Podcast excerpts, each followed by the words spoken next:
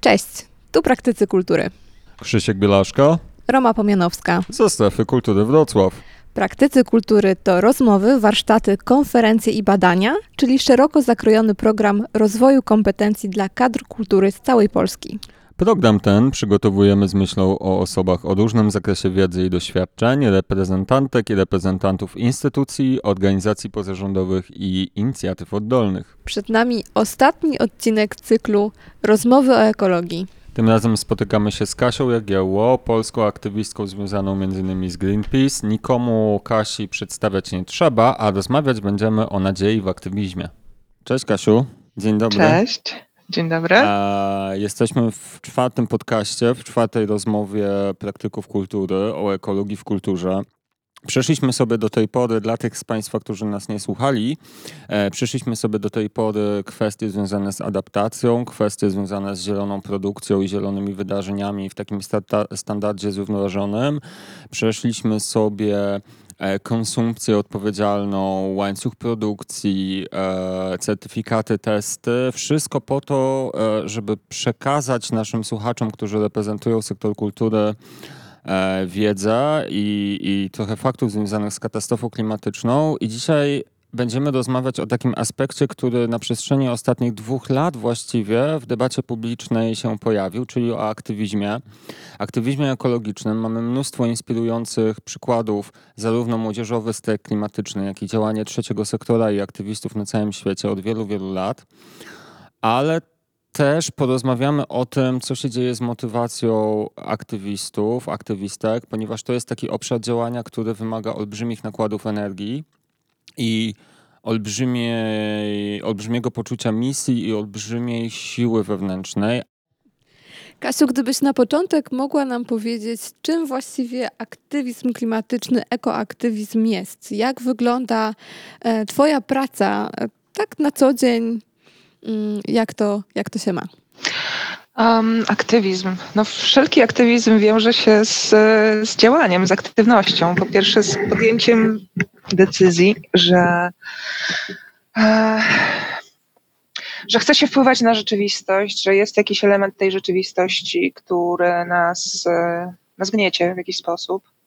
Zawsze e, aktywizm wynika z jakiegoś przekonania, że. Mm, nie wiem, od najprostszych e, działań, czyli nie zgadzamy się, żeby wycięto e, ukochane drzewo w okolicy, po e, mocne działania dotyczące tego gigantycznego, wielkiego tematu, czyli, czyli kryzysu klimatycznego. Czyli, żeby zaistniał aktywizm, musi być problem, wyzwanie, a później musi być odpowiedź na niego.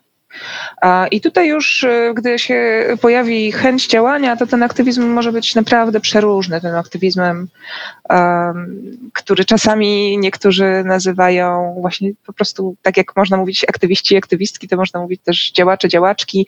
Nam się w języku polskim to słowo słabo kojarzy, więc ten aktywizm chyba nam te, tych działaczy, którzy się kojarzą z poprzednią epoką, po prostu zastąpił. I to już mogą być e, naprawdę, skala tych działań może być od takich, e, nie wiem, drobnych, jak e, wrzucanie.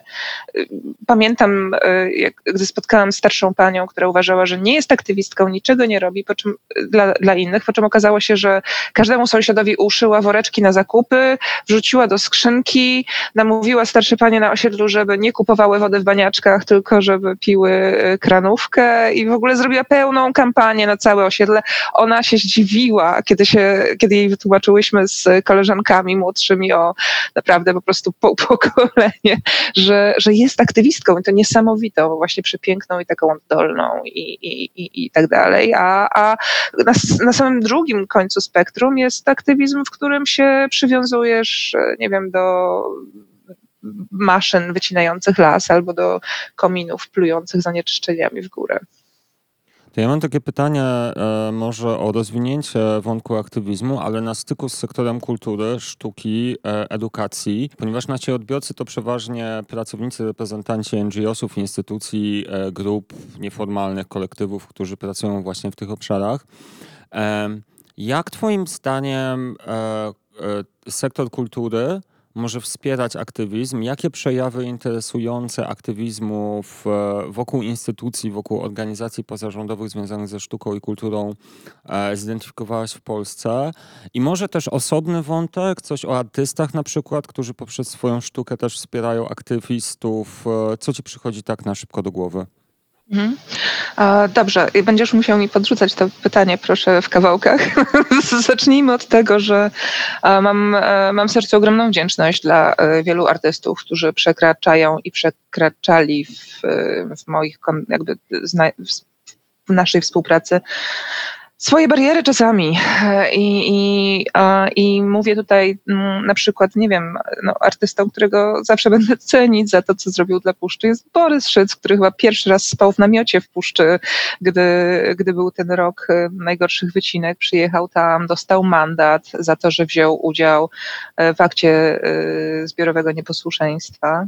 I zrobił to naprawdę cudownie, przepięknie, oddolnie. I Borys serce po prostu do ciebie zawsze i forever. No, mogą być też te wszystkie um, rzecznicze działania, z których e, stawanie i głośno wyrażanie um, głośne wyrażanie argumentów, um, tak jak, no nie wiem, za granicą mamy mm, te wszystkie mocne oświadczenia i akcje, które zrobił na przykład Joachim Phoenix, który w tym roku, gdy dostał, w zeszłym roku chyba, gdy dostał nagrodę, wręcz e, natychmiast później pojechał bodajże do rzeźni, nie pamiętam, z tymi wszystkimi dziennikarzami i, i namawiał do, do przechodzenia na weganizm. E, oprócz tego znam na przykład bardzo fajne inicjatywy tutaj um, mniej z Wrocławia, mieszkam w, Warszawie, więc tutaj na przykład bardzo cenię sobie teatr e, powszechny, który organizuje naprawdę świetne cykle.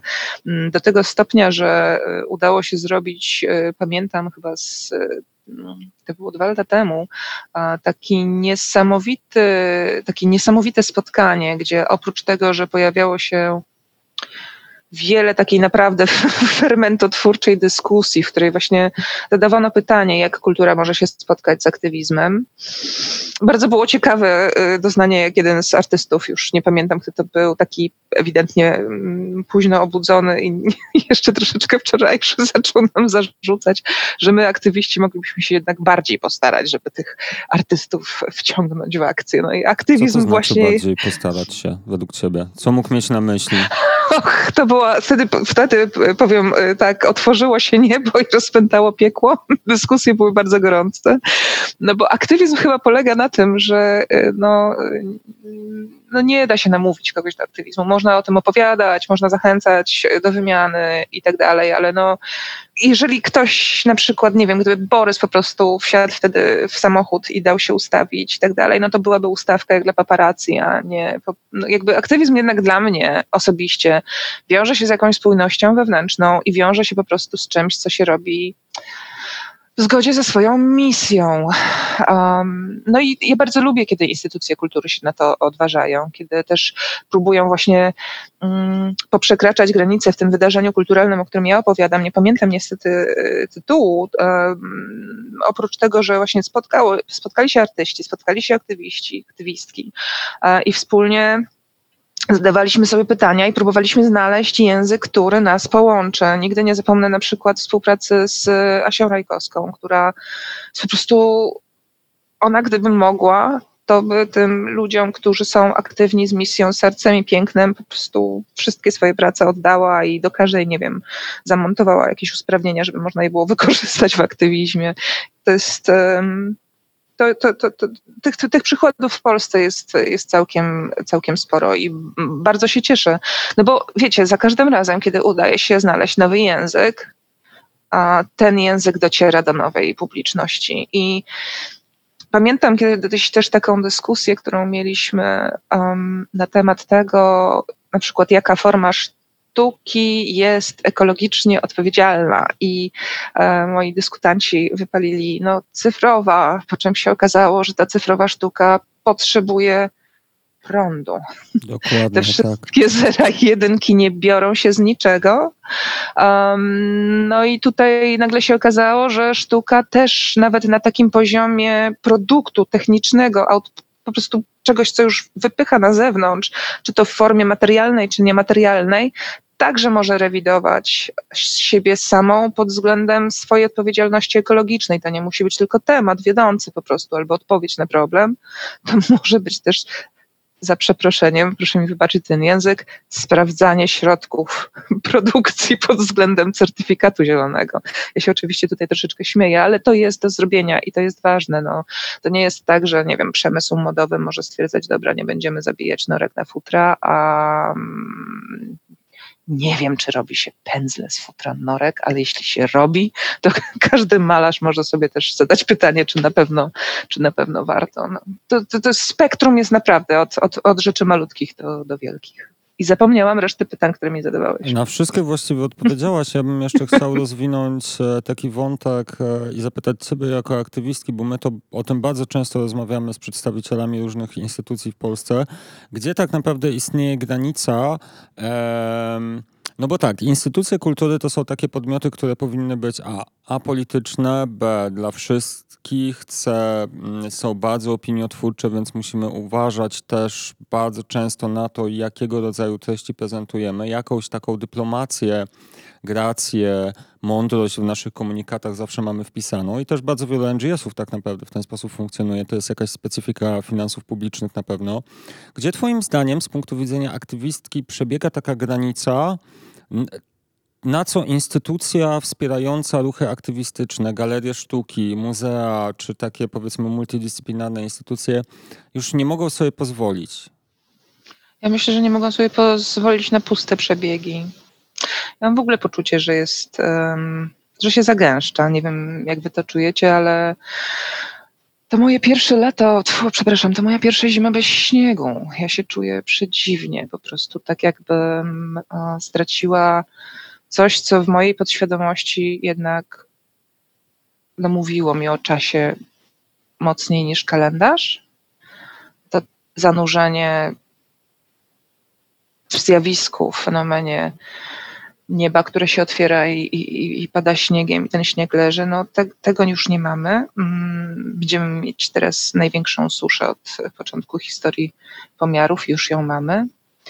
A więc mam wrażenie, że mm, wszędzie organizowanie najprostszych rzeczy, takich niewymagających, um, no, takich wiecie, że po prostu zaprasza się jedną twarz, drugą i coś tam się dzieje, to ja już bym tego nie chciała. W sensie, to nie jest moje miejsce, żeby mówić instytucjom kultury, jak mają wspierać aktywizm.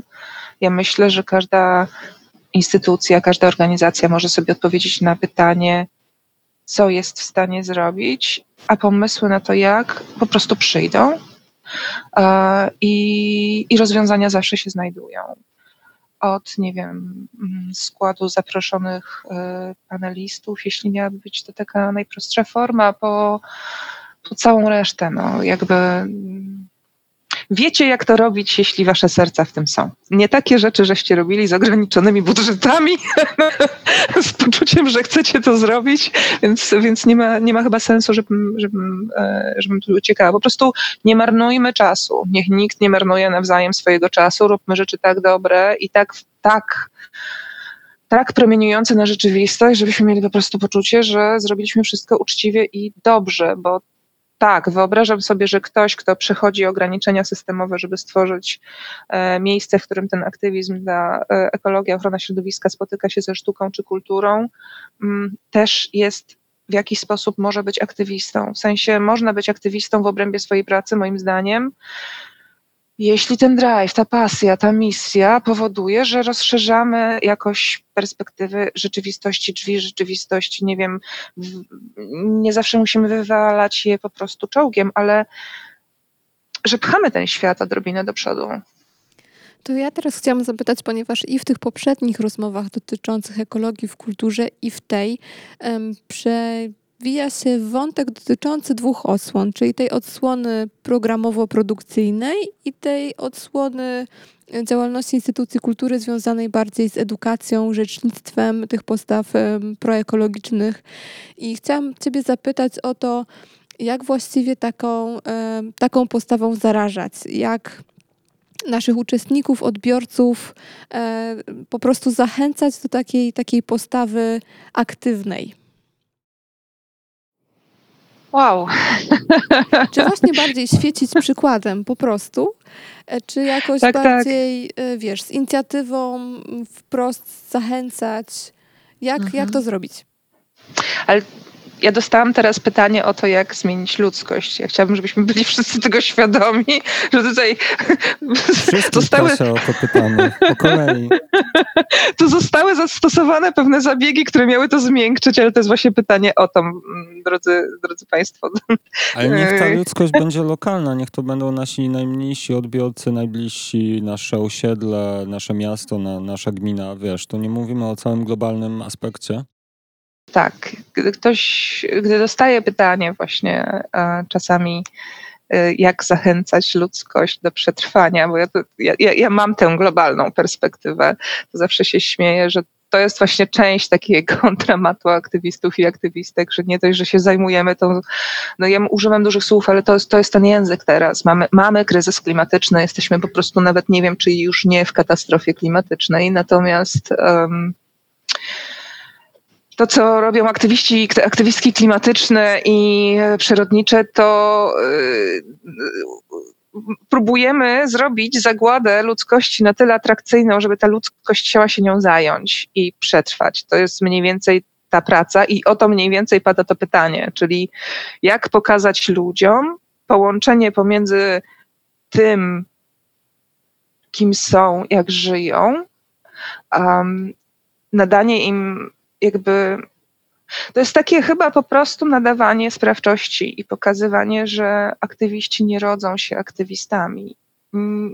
Nie jest tak, że znaczy oczywiście mamy indywidualne predyspozycje, potem geny, wychowanie, cała ta historia, ale, mm, ale to jest po prostu chyba moment, w którym um, jest pytanie,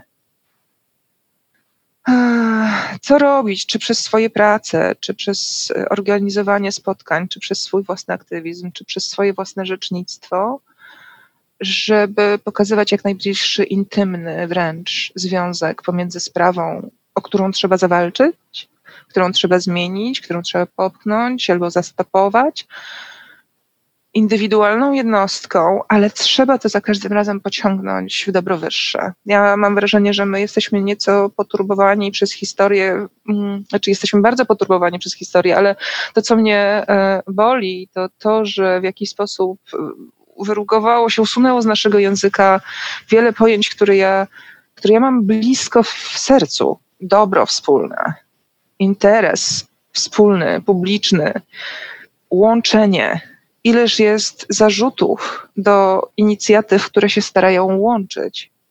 I tutaj z tym aktywizmem ekologicznym i przyrodniczym wyzwanie jest o tyle duże, że o ile jakby ten nasz dyskurs wtłacza tę ekologię w ramy mm, polityczne, i ja uważam, że wszystko jest polityczne, każde działanie jest polityczne, jakby wszystko, co robimy, jest jakiegoś rodzaju deklaracją. Natomiast e, ja będę z tej naszej lokalności zawsze wchodziła w tę globalną perspektywę, bo emisje gazów cieplarnianych nie znają granic. Szóste wymieranie, czyli um, największe jakby załamanie ciągłości procesów ekologicznych i takiej zdolności gatunków do odtwarzania mamy teraz, a mówimy, mówimy o nowej epoce, o antropocenie, czyli ślad, jaki odcisnęliśmy na tej planecie już teraz jest takiego kalibru, jaki towarzyszył innym um, okresom e, geologicznym. Na przykład wyobrażam sobie, że zaprasza się jakiegoś albo jakąś naprawdę bardzo zaangażowaną osobę, to z, nie wiem, w najprostszym po prostu rozdaniu spotkanie, publiczność. Nie róbmy z tych aktywistów półbogów i półbogiń. Każdy może znajdować wytrychy do poszerzania pola sprawczości, do poszerzania, połączenia pomiędzy sobą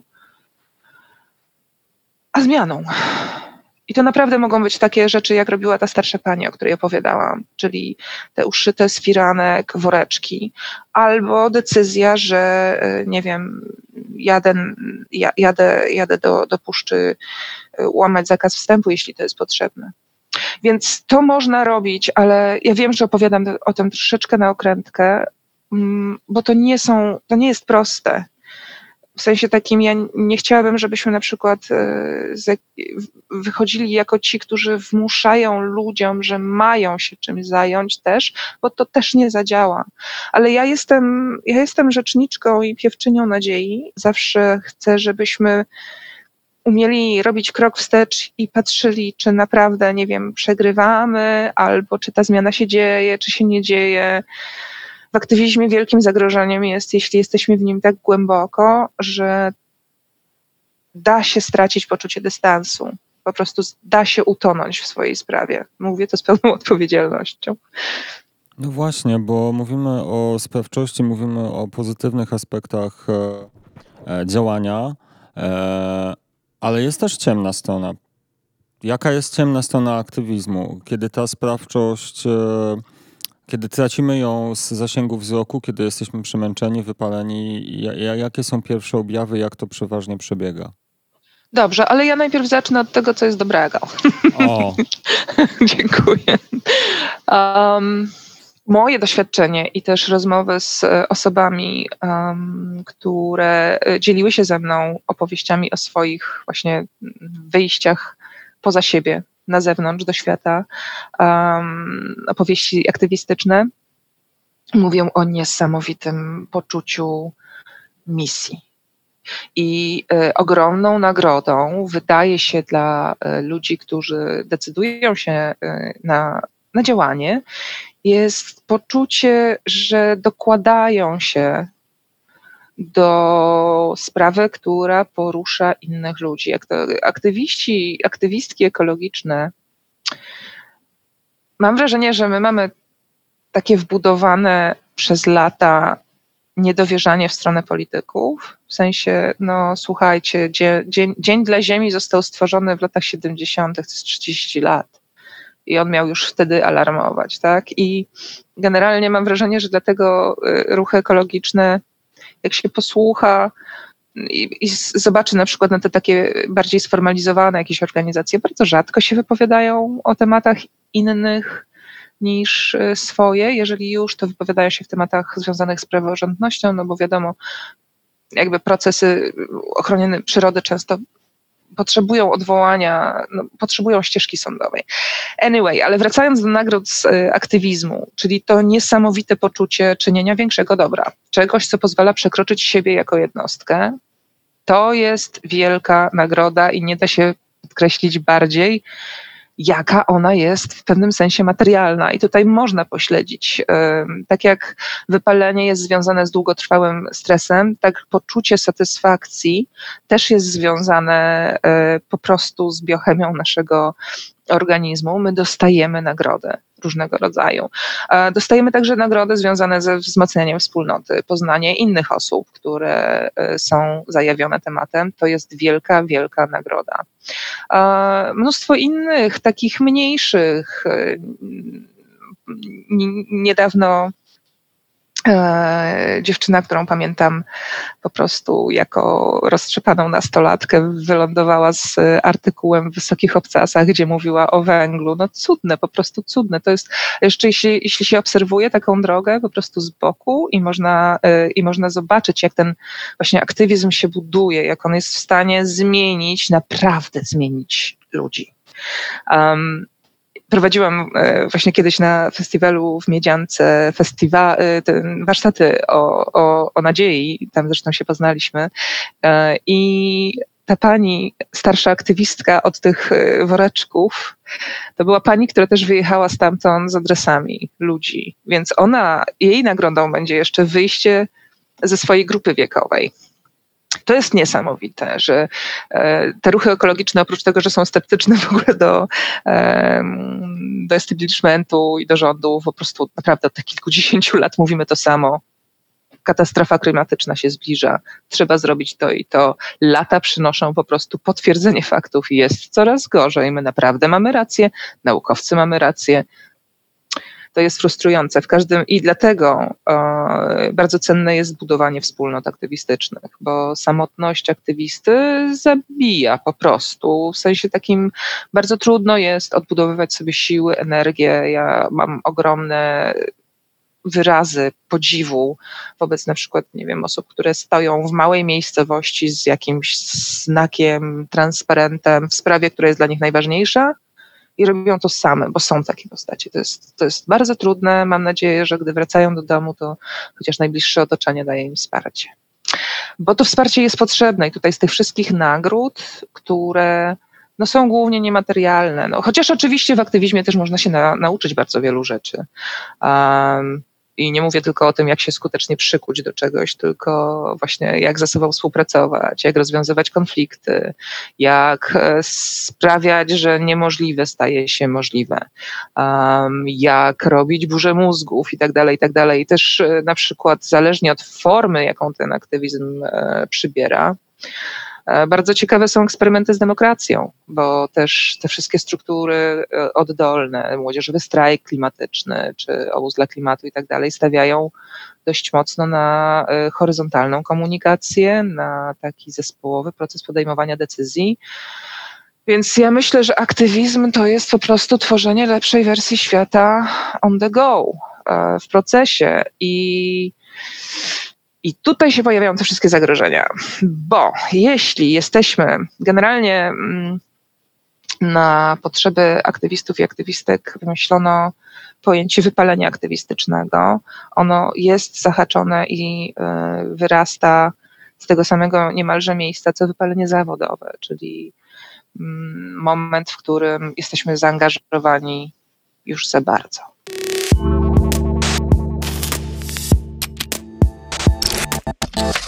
No więc oprócz tego, że e, pojawiają się te wszystkie nagrody i, i, i, i, rzeczy dobre związane z aktywizmem, to też za każdym razem, kiedy y, łączy się wewnętrzną misję, wewnętrzne poczucie, um, no, tę naszą duszę, za przeproszeniem, którą się ma w środku, y, się wykorzystuje do swojej pracy, e, to, to zagrożenia są bardzo spore. Um, I mamy to rozróżnienie pomiędzy wypaleniem zawodowym, to jest związane z czynnikami związanymi z, z pracą, jaką się wykonuje, a, a drugim e, jakby drugą twarzą może być wypalenie aktywistyczne. Ono właśnie może się pojawić e, także wtedy, kiedy nie zajmujemy się czymś zawodowo, tylko tylko żyjemy jakąś sprawą i żyje nią nasza głowa i nasze serce, a w konsekwencji nasze ciało. Bo etapów wypalenia jest kilka, znaków, które się pojawiają, wypalenia też jest kilka. Ostatni to już są mocne dysfunkcje ciała związane z długotrwałym oddziaływaniem stresu. A stres, no, cóż, stres jest w ogóle wpisany w nasze życie, a już w życie aktywistyczne, szczególnie w te bardziej e, zdecydowane formy e, związane z jakimś protestem, no to już jest stres bardzo duży. Ja muszę też podkreślić, że w Polsce jesteśmy w takiej po prostu ekologicznej rzeczywistości Schrödingera, że e, mówi się ekoterroryści, nigdy, nigdy żadnego ekoterrorysty w Polsce nie widział, więc to tak trochę też jest, e, ja, ja mówię o tym nie tylko po to, żeby się poskarżyć, bo to jest po prostu jakiś koszmar, gdy się słyszy o sobie ekoterrorystka, dziewczyna, która muchę nie skrzywdziła za przeproszeniem. No może muchę kiedyś, ale dawno i byłam dzieckiem. E, pole, w, w którym się muszą poruszać osoby, które się zajmują mm, działaniem, to jest też pole, nasze pole, w których się spotykamy jako ludzie, no, czyli ta warstwa społeczna, warstwa języka, Um, my mamy w ogóle problem z mówieniem o współpracy, mam wrażenie, i, i ten wolontariat jest takim słowem, które używamy, ale trochę jak myślimy sobie wolontariat, to raczej myślimy o jakichś bardzo młodych osobach z puszkami na ulicy, albo jak mówimy aktywizm, no to naprawdę tylko puszcza, albo, albo, albo coś takiego. Więc my się w ogóle borykamy z językiem, a do tego przez to, że też ten jakie, takie prospołeczne myślenie u nas zostało no, no, no przetargane przez historię i przez, y, przez układ, w którym byliśmy tyle dekad, powoduje, że łatwo jest ludziom żywić się mm, różnego rodzaju po prostu śmieciem, który, który jest wypowiadany w sprawie aktywizmu i to jest jakaś taka otoczka, w której ludzie pracują. E, ta nasza, ta nasza starsza pani, e, ona nie miała takiej przygody, ale wyobrażam sobie, że ktoś mógłby jej zadać pytanie, a co ty z tego masz, że ty te woreczki za darmo, tak każdemu do tej skrzynki, to na pewno coś tam i ja wezmę taki woreczek, a potem będę musiał coś, rozumiecie? Brak zaufania totalny społecznego. Brak zaufania to jest bardzo trudne w aktywizmie. To pole społeczne jest jest pełne wyzwań w Polsce. Mamy najniższy, o ile wiem, mamy, z badań wychodzi, że poziom zaufania e, w Polsce jest bardzo, bardzo niski. Właściwie ufamy najbliższej rodzinie i nie bardzo nikomu innemu. I to jest trudne.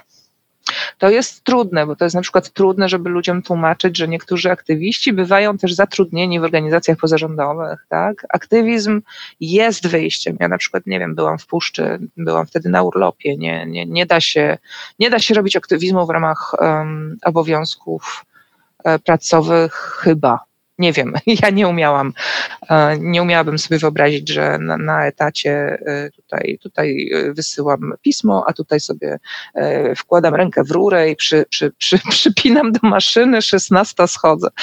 Tak nie działa. Um, więc możemy się wypalić, możemy też się za, w tym aktywizmie zatopić. Każdy z nas zna te osoby, które starają się żyć jak najlepiej, ale też patrzą nam i pokazują palcem, co nie tak w naszym talerzu, co nie tak w naszym sposobie życia i tak dalej. I to jest poważne wyzwanie. Ja na przykład e, kiedyś miałam etap, w którym musiałam się tłumaczyć znajomym, że płyn do mycia naczyń zostawili ludzie, którzy u mnie nocowali, bo przecież ja kupuję tylko ekologiczne produkty. Słuchajcie, to są poważne rzeczy, naprawdę.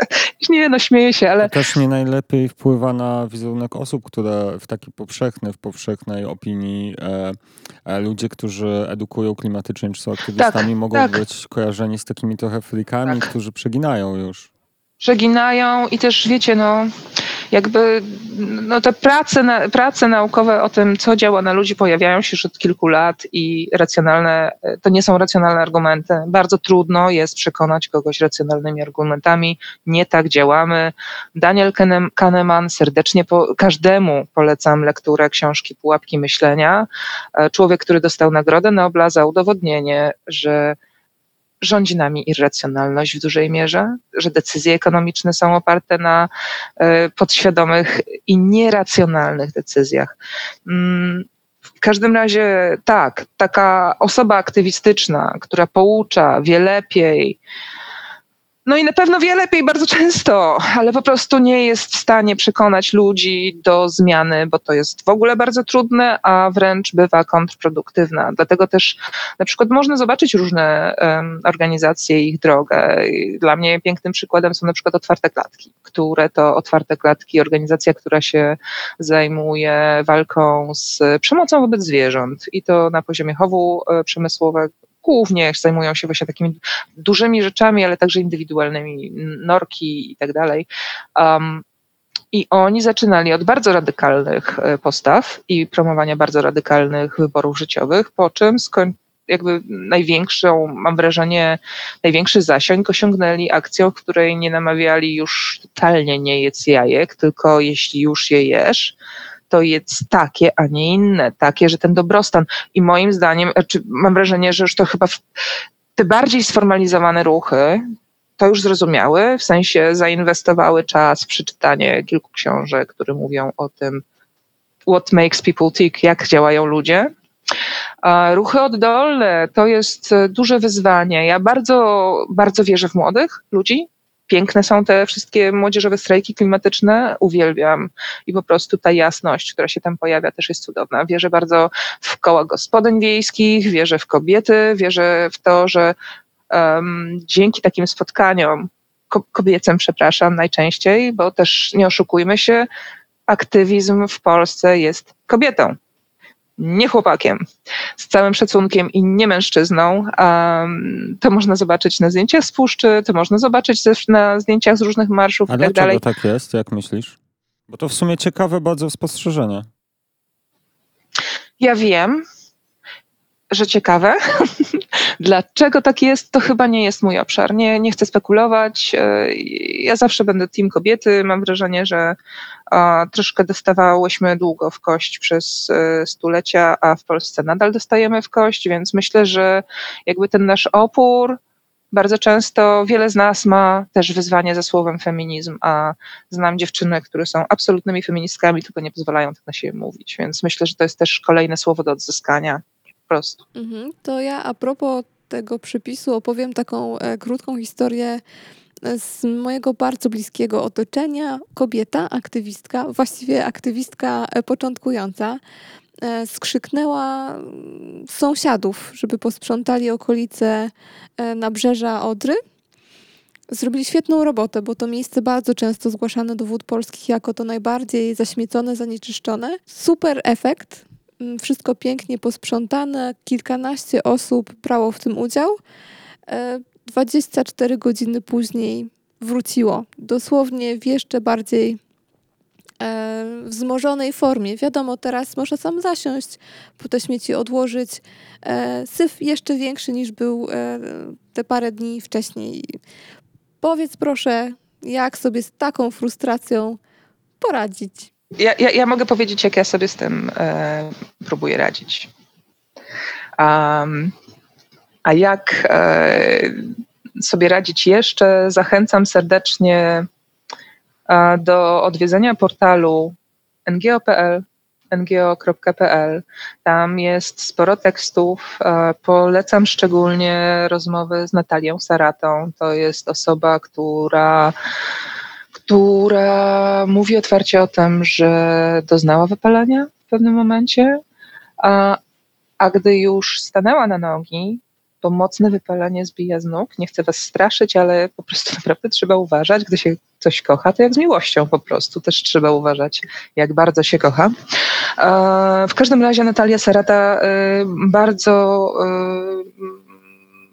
y, zasłużyła się tutaj w Polsce tym, że dba o wypalone aktywistki i aktywistów.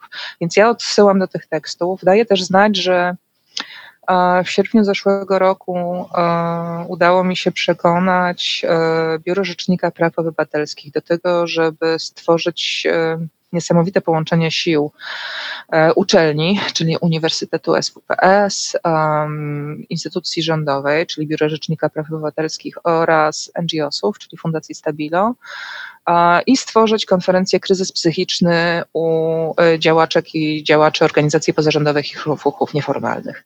I to jest game changer, bo do tej pory w Polsce nie mówiło się ani o wypaleniu, ani o kryzysach psychicznych w kontekście trzeciego sektora. A trzeci sektor to też jest sektor, który jest bardzo mocno związany przecież ze wszystkimi strefami kultury my wszyscy z trzeciego sektora i, i my wszyscy jesteśmy bardzo na to wypalenie narażeni. To, co mnie wprawdzie nie uratowało kompletnie przed wypaleniem, bo sama, um, samego doświadczyłam bardzo mocno i bardzo boleśnie, um, ale co długie lata mi pomagało. No ja jestem takim akurat dość krańcowym przypadkiem, jeśli chodzi o zanurzenie w aktywizmie, więc nie róbcie tego w domu dokładnie tak jak ja, proszę. W każdym razie moją e, taką takim kluczem, który pozwolił mi przetrwać to już kilkanaście lat zajmowania się sprawami większymi niż ja sama i mój, e, mój, mój najbliższy krąg, to ustawienie sobie w głowie, i tutaj przepraszam, będzie trochę mistycznie, ale nie da się inaczej. Ja po prostu musiałam bardzo mocno mm, popracować y, z po, pojęciem czasu, wieczności i teraźniejszości, uświadomić sobie, że nie ma końca bo frustracja w aktywizmie bardzo jest związana z tym, że wyobrażamy sobie dokładnie, do jakiej zmiany dążymy. I w momencie, kiedy ta zmiana nie dostarcza, nie pojawia się na czas, albo robi, wiecie, krok do przodu, dwa kroki w tył i tak dalej, jeżeli to nie działa, no to bardzo łatwo się wypalić, bardzo łatwo mieć poczucie bezsensu swojej pracy, bo jesteśmy po prostu skupieni bardzo mocno na rezultatach i efektach. Ja bym chciał w takim razie zapytać o nadzieję. Nasz kontakt e, e, do ciebie też zaczął się właśnie w kontekście warsztatów, które przeprowadziłaś w Miedziance i tamten wątek nadziei był bardzo istotny. Mamy też, to, to będzie trochę banał, ale mamy bardzo trudne czasy, skomplikowane teraz, tym bardziej na przestrzeni ostatnich kilkunastu tygodni, kiedy cały świat się zatrzymał e, i efekty tego z jednej strony przynoszą, sytuacja przynosi nadzieję i może być mm, czymś pozytywnym, bo jednak weryfikujemy pewne założenia, weryfikujemy nasze nawyki itd., tak itd. Tak z drugiej strony okazuje się, że przemysł nadal funkcjonuje, że to wcale nie jest tak, że wszystko się zatrzymało i planeta będzie miała chwilę, żeby odetchnąć. Ale czym w takim trudnym momencie dla ciebie, gdzie byś postawił, położyła tę nadzieję, którą teraz identyfikujesz? Ta nadzieja moja, gdzie serce moje? um, to jest trudne pytanie. Ci bardzo za nie dziękuję, bo, um, bo nadzieja to, to delikatny i potrzebujący uwagi twór. Um, ja bardzo sobie cenię lekturę e, książki Nadzieja w mroku książki Rebeki Solnic. Zresztą warsztaty o nadziei, o których już wspominałam i e, które były też pretekstem naszego spotkania, to są warsztaty, które ja zbudowałam właśnie na podstawie tej książki, na zaproszenie Filipa Springera, który gdy ją przeczytał, to stwierdził, że jest w Polsce niezbędna. Zresztą ja też e, serdecznie E, pozdrawiam teraz wydawnictwo Charakter i powiem, że kilka lat temu wykonałam e, telefon do wydawnictwa i powiedziałam, słuchajcie, wy wydajecie Rebekę Solnit, ona napisała taką książkę o nadziei, Polska potrzebuje nadziei, jak Kania Dżdżu, czy można byłoby tę książkę wydać szybciej? I nawet miałam ją tłumaczyć, ale ponieważ byłam tak zanurzona w aktywizmie, jak nie wolno się, drodzy słuchacze, zanurzać, trzeba się jednak zanurzać z, z, z rozwagą. E, to, to tej książki nie tłumaczyłam, ale jestem z nią bardzo mocno emocjonalnie związana. Ta książka była uwolniona przez wydawnictwo Charakter e, we współpracy z e, autorką na dwa tygodnie niedawno, w czasach pandemii w czasie pandemii, właśnie po to, żeby, żeby, żeby do tej nadziei było łatwiej sięgać. I Rebeka Solnit pokazuje nadzieję jako, jako proces i jako mm, rzecz do wypracowania. Ja zresztą też napisałam kiedyś o tym taki tekst w Wysokich Obcasach, właśnie o tej książce, czym nadzieja jest. Dla mnie osobiście nadzieja jest postawą, jest postawą, którą trzeba karmić i, i, i aktywnie i świadomie pielęgnować. E, nie może być niemądrym samooszukiwaniem się. To nie jest oglądanie motywacyjnych filmików, gdzie ktoś z miną wieszcza mówi: Jesteś zwycięzcą, jesteś zwycięzcą, jesteś zwycięzcą. Nadzieja musi być mądra, żeby nie była jednym wielkim oszustwem i ułudą.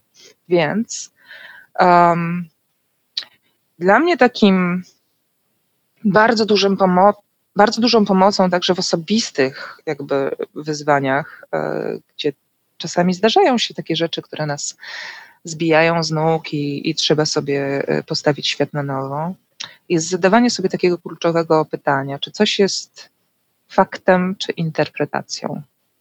A, czy, nie wiem, zdanie, kryzys klimatyczny nas wszystkich zabije, jest faktem czy interpretacją. Jak na razie wskazują na to fakty, że jest coraz gorzej, czy nas wszystkich zabije. Na tę chwilę, zgodnie z faktami, nadal da się zrobić rzeczy, tak? Więc takie pytania po prostu weryfikacyjne pozwalają wyciągnąć się także na poziomie osobistym z takiego cyklu strachu. Bo nadzieja i strach nie dobrze ze sobą współpracują. Bardzo. Strach może dawać fałszywe nadzieje, może pchać w różne naprawdę niedobre rejony, a jednocześnie strach jest tą potrzebną emocją, która daje sygnały ostrzegawcze. Tylko tutaj znowu wrócimy do tego, że jesteśmy, znaczy nie wrócimy, bo o tym jeszcze nie mówiliśmy, jesteśmy zwierzętami. Nie wiem, szanowne słuchaczki, szanowni słuchacze, czy wstaliście dzisiaj rano i uświadomiliście sobie, że należycie do naczelnych?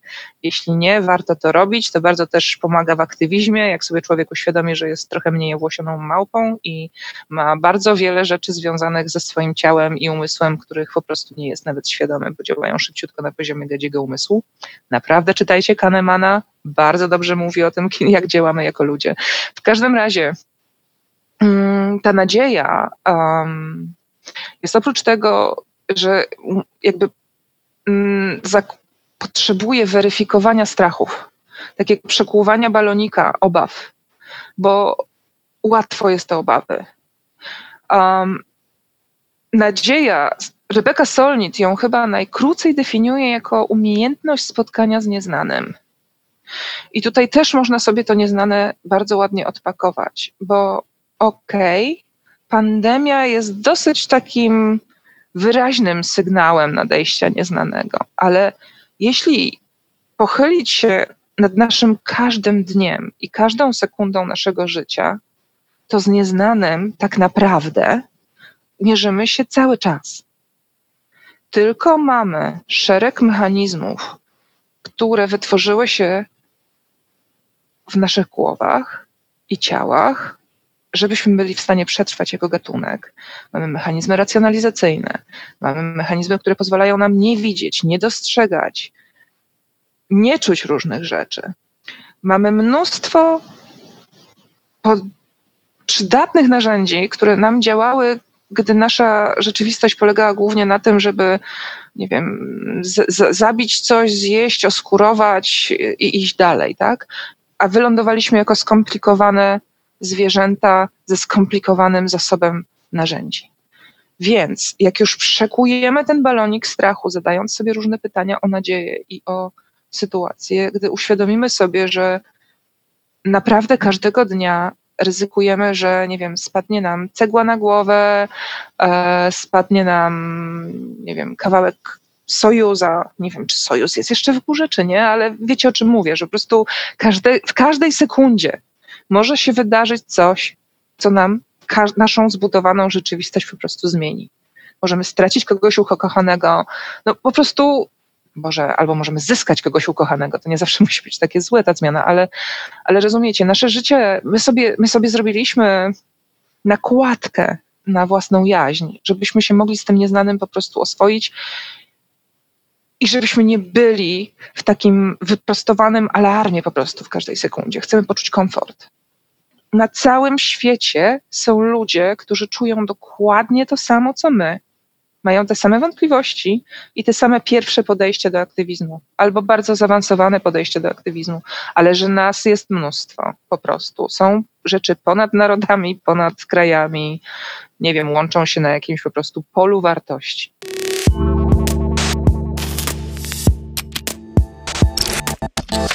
Ja chciałam tylko zadać pytanie w nawiązaniu do tego, co powiedziałaś o kryzysie. Czyli kryzys jakby jest takim zaczątkiem zmiany i chciałam Ciebie zapytać, czy możemy na ten kryzys, w którym aktualnie jesteśmy i jeszcze będziemy, kryzys związany z pandemią, ale też kryzys związany z katastrofą klimatyczną, czy możemy w jakiś sposób postrzegać go jako szansę i być może to on da nam nadzieję?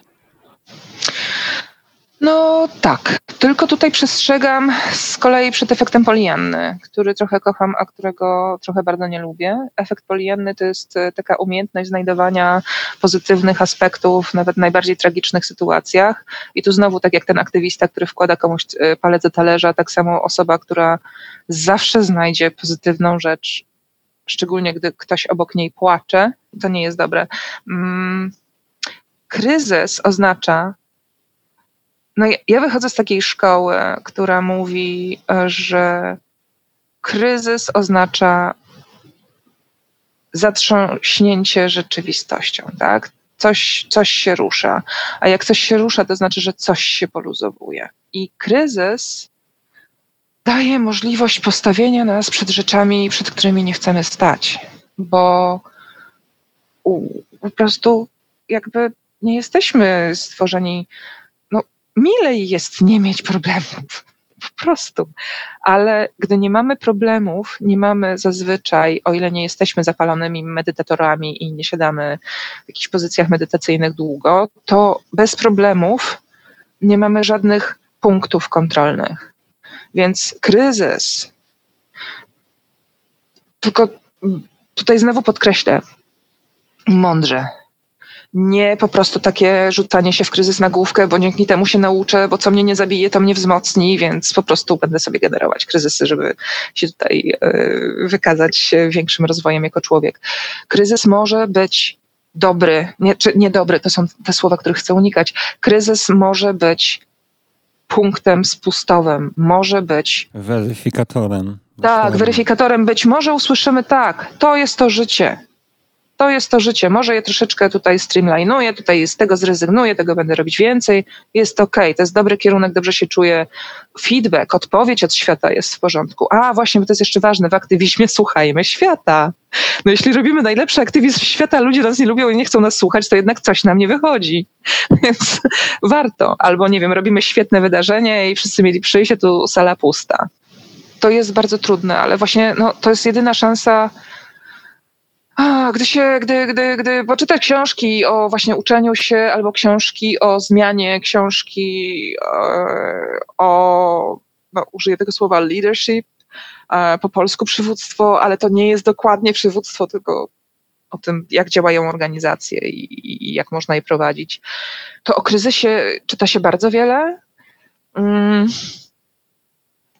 i właśnie on jest pokazany jako najtrudniejszy moment, bo rozstanie z tym, co było, i najtrudniejszy moment, żeby naprawdę w takim kluczowym momencie, bo to, co my robimy zazwyczaj, jesteśmy bardzo gdzieś emocjami. Działamy, że tak powiem, na parkiecie. Jesteśmy w tańcu życia, rzeczy się dzieją, przechodzimy, zmieniamy partnerów. Ja nie mówię tutaj tylko, to jest metafora, proszę Państwa. W każdym razie wydarzają się różne rzeczy, są różne rytmy w tym tańcu, tańczymy, jak nam muzyka zagra, ale czasami trzeba się nieco wycofać z parkietu na balkon, i to jest moment kryzysu, że jeżeli by, jakby nie popracujemy z kryzysem, nie znajdziemy szans, nie uda nam się połamać e, schematów, w których działaliśmy i zobaczyć, które elementy można wykorzystać, na nich zbudować, jeśli nie zrobimy chociaż pół kroku, nie wycofamy się z ognia walki. W sensie, jeśli jesteśmy w ogniu cierpienia, to pozostańmy w nim, prze, przeżyjmy oprócz wypalenia, my jesteśmy jeszcze bardzo wiele z nas osób, które się zajmują kwestiami e, ekologii czy e, kultury. To są e, osoby wrażliwe, nawet wysoko wrażliwe. W Polsce jeszcze się o tym wiele nie mówi, ale mniej więcej 20% populacji to są osoby wysoko wrażliwe, genetycznie przygotowane do tego, żeby odbierać dużo mocniej zwykłe bodźce, światło, dźwięk, um, a jednocześnie jest w tym sporo darów, czyli wyczuwanie, no aż pozazmysłowe czasami wyczuwanie relacji, sygnałów, komunikatów. różne są y, pozytywne strony, ale no generalnie my musimy być po prostu dla siebie dobrzy. Ja długo osobiście na przykład, na tym się bardzo przejechałam, uważałam, że ten cel, który ja mam, czyli tutaj znowu musicie mi wybaczyć, bo ja taka jestem, to jest zawsze wysokie C uratować planetę, mój cel i ludzkość przede wszystkim, no to są tak ważne e, rzeczy, że właściwie skoro czytam e, raport, który mówi o tym, e, jak szybko giną gatunki, jak postępuje dewastacja przyrody, co się dzieje z kryzysem klimatycznym, pamiętam taki moment, jak siedziałam nad raportem i po prostu płakałam. No to jest moment, w którym już wiadomo, że ta granica to już jest miejsce, które wymaga najwyższej uwagi. Bo ja bym też chciał taką klamrę dać, e, bo tutaj e, przed chwilą sobie rozmawialiśmy o tym, jakie pola wspólne mają e, działacze czy reprezentanci naszych sektorów, które się teraz będą, mamy takie przeczucie, mocno zazębiać i uzupełniać. Też mam takie poczucie. Mhm. A, może też ze względu na bliskość instytucji i organizacji związanych z kulturą i sztuką. Mm, z mieszkankami i mieszkańcami miast i generalnie rzecz biorąc to, że coraz bardziej pojawia się taki trend otwierania się na ludzi, że już nie jesteśmy tymi, znaczy mam nadzieję, że nie jesteśmy i nie będziemy coraz bardziej zamkniętymi e, placówkami, w których artyści tworzą sztukę dla sztuki i tak naprawdę ludzie bez jakiegoś konkretnego zakresu kompetencji boją się właściwie nawet do nas e, przyjść.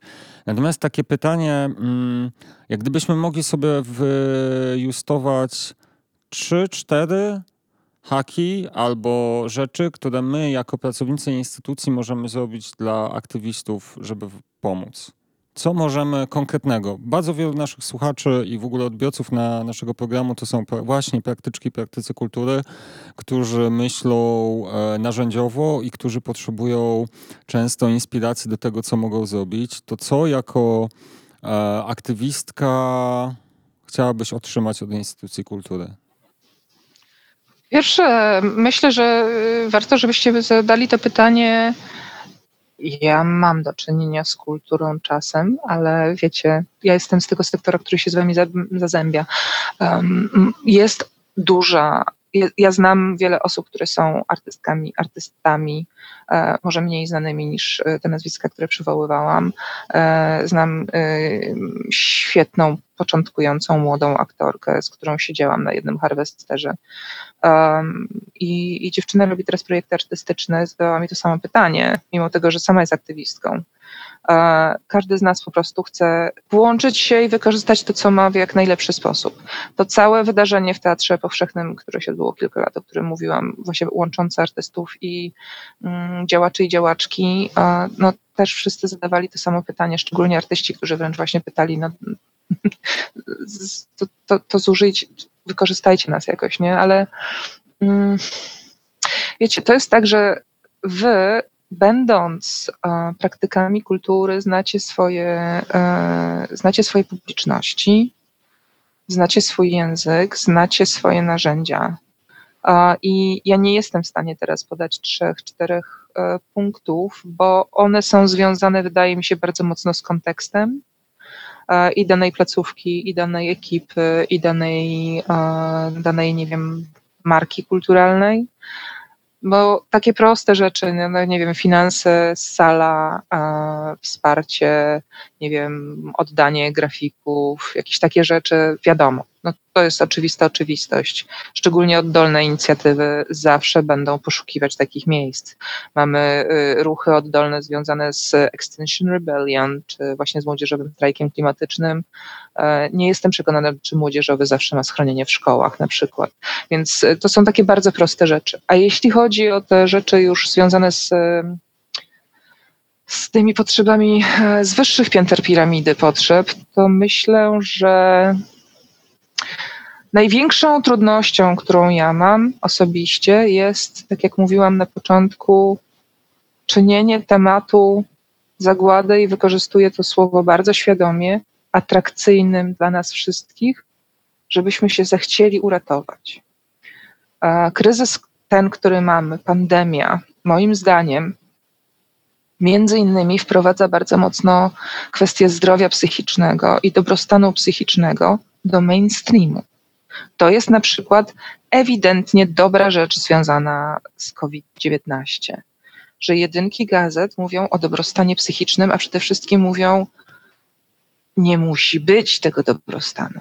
I to jest okej, okay, i to jest zrozumiałe. I z tego takiego, wiecie, świata, który nakręca do sukcesu, nagle zrobiła się przestrzeń na to, że hej, to nie zawsze będzie tak, że będziemy się czuć świetnie albo nie będziemy czuć dojmującego smutku. A więc ten kryzys też mam wrażenie uwrażliwia na relacje. Ja wiem, że już teraz się pojawiły te różne ekscesy związane z lekarzami i tak dalej, ale ja nie wiem, na ile one są powszechne, a na ile nasze media już są głodne wydarzeń, a tych wydarzeń jest mniej niż było, więc już każdy taki akt, wiecie, no, mechanizm podawania złej wiadomości jest naprawdę taki, że ona jest bardziej atrakcyjna i wywołuje u nas odpowiedź na poziomie, który nasze ciało naprawdę dotyka, tak? My reagujemy na to, co się dzieje raczej negatywnego, bo wtedy się pobudzamy bardziej. Więc znajdowanie, poszerzenie pola walki, poszerzenie aktywizmu, poszerzenie odnajdywanie tego języka emocji, który dotyka ludzi. Um, ja słuchajcie, chyba teraz jest moment, w którym e, unikając tych podpunktów, ja wam przeczytam, jaki ja mam um, co ja sobie przykleiłam na Twitterze, jaki sobie kreda przy, przy, przy, na, na Twitterze, że, że, żeby ludzie wiedzieli, czemu ja się tą przyrodą zajmuję i dlaczego ja mówię tyle o wartościach i dlaczego mówię o tych wszystkich rzeczach związanych nie tylko technicznie. Tu mamy tyle CO2 w atmosferze i to idzie do oceanu i wychodzi z oceanu i tak dalej. Są ludzie, którzy robią te rzeczy. Posłuchajcie. Kiedyś sądziłem, że główne problemy ze środowiskiem naturalnym to utrata bioróżnorodności, załamanie się ekosystemów i zmiany klimatyczne. Uważałem, że wystarczy 30 lat dobrych badań naukowych, aby poradzić sobie z tymi problemami. Ale byłem w błędzie. Główne problemy ze środowiskiem to chciwość, egoizm i apatia. Aby sobie z nimi poradzić, potrzebujemy zmiany kulturowej i duchowej. A na tym my, naukowcy, się nie znamy. Stwierdził Gus Speth, amerykański prawnik i specjalista od ochrony środowiska. Aby sobie z nimi poradzić, potrzebujemy zmiany kulturowej i duchowej. Chciwość, egoizm, apatia. I to wydaje mi się, ja bym zostawiła to w tym miejscu, a wy wiecie, co z tym zrobić. O emocjach naprawdę wiecie, e, wiecie, myślę. Dziękujemy. To jest naprawdę bardzo słuszne, ciekawe i wartościowe zakończenie tej rozmowy. Mm, dziękuję. A, I też e, bardzo cieszymy się, że z Tobą właśnie ten cykl, pierwszy, pierwszą serię w cyklu rozmowy o ekologii mieliśmy okazję podsumować i zamknąć. E, Nie żegnamy się, bo na pewno się jeszcze usłyszymy.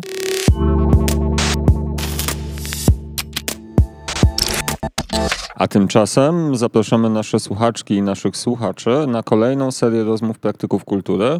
Tym razem rozmawiać będziemy o dostępności. O dostępności porozmawiamy m.in. z Justyną Mańkowską z Fundacji Kantarynka czy Olą Steierwald z Kultury Bez Barier. Mm, Pochylimy się też nad tematem em, aktywności seniorów czy oferty dla seniorów zależnych. Zapraszamy.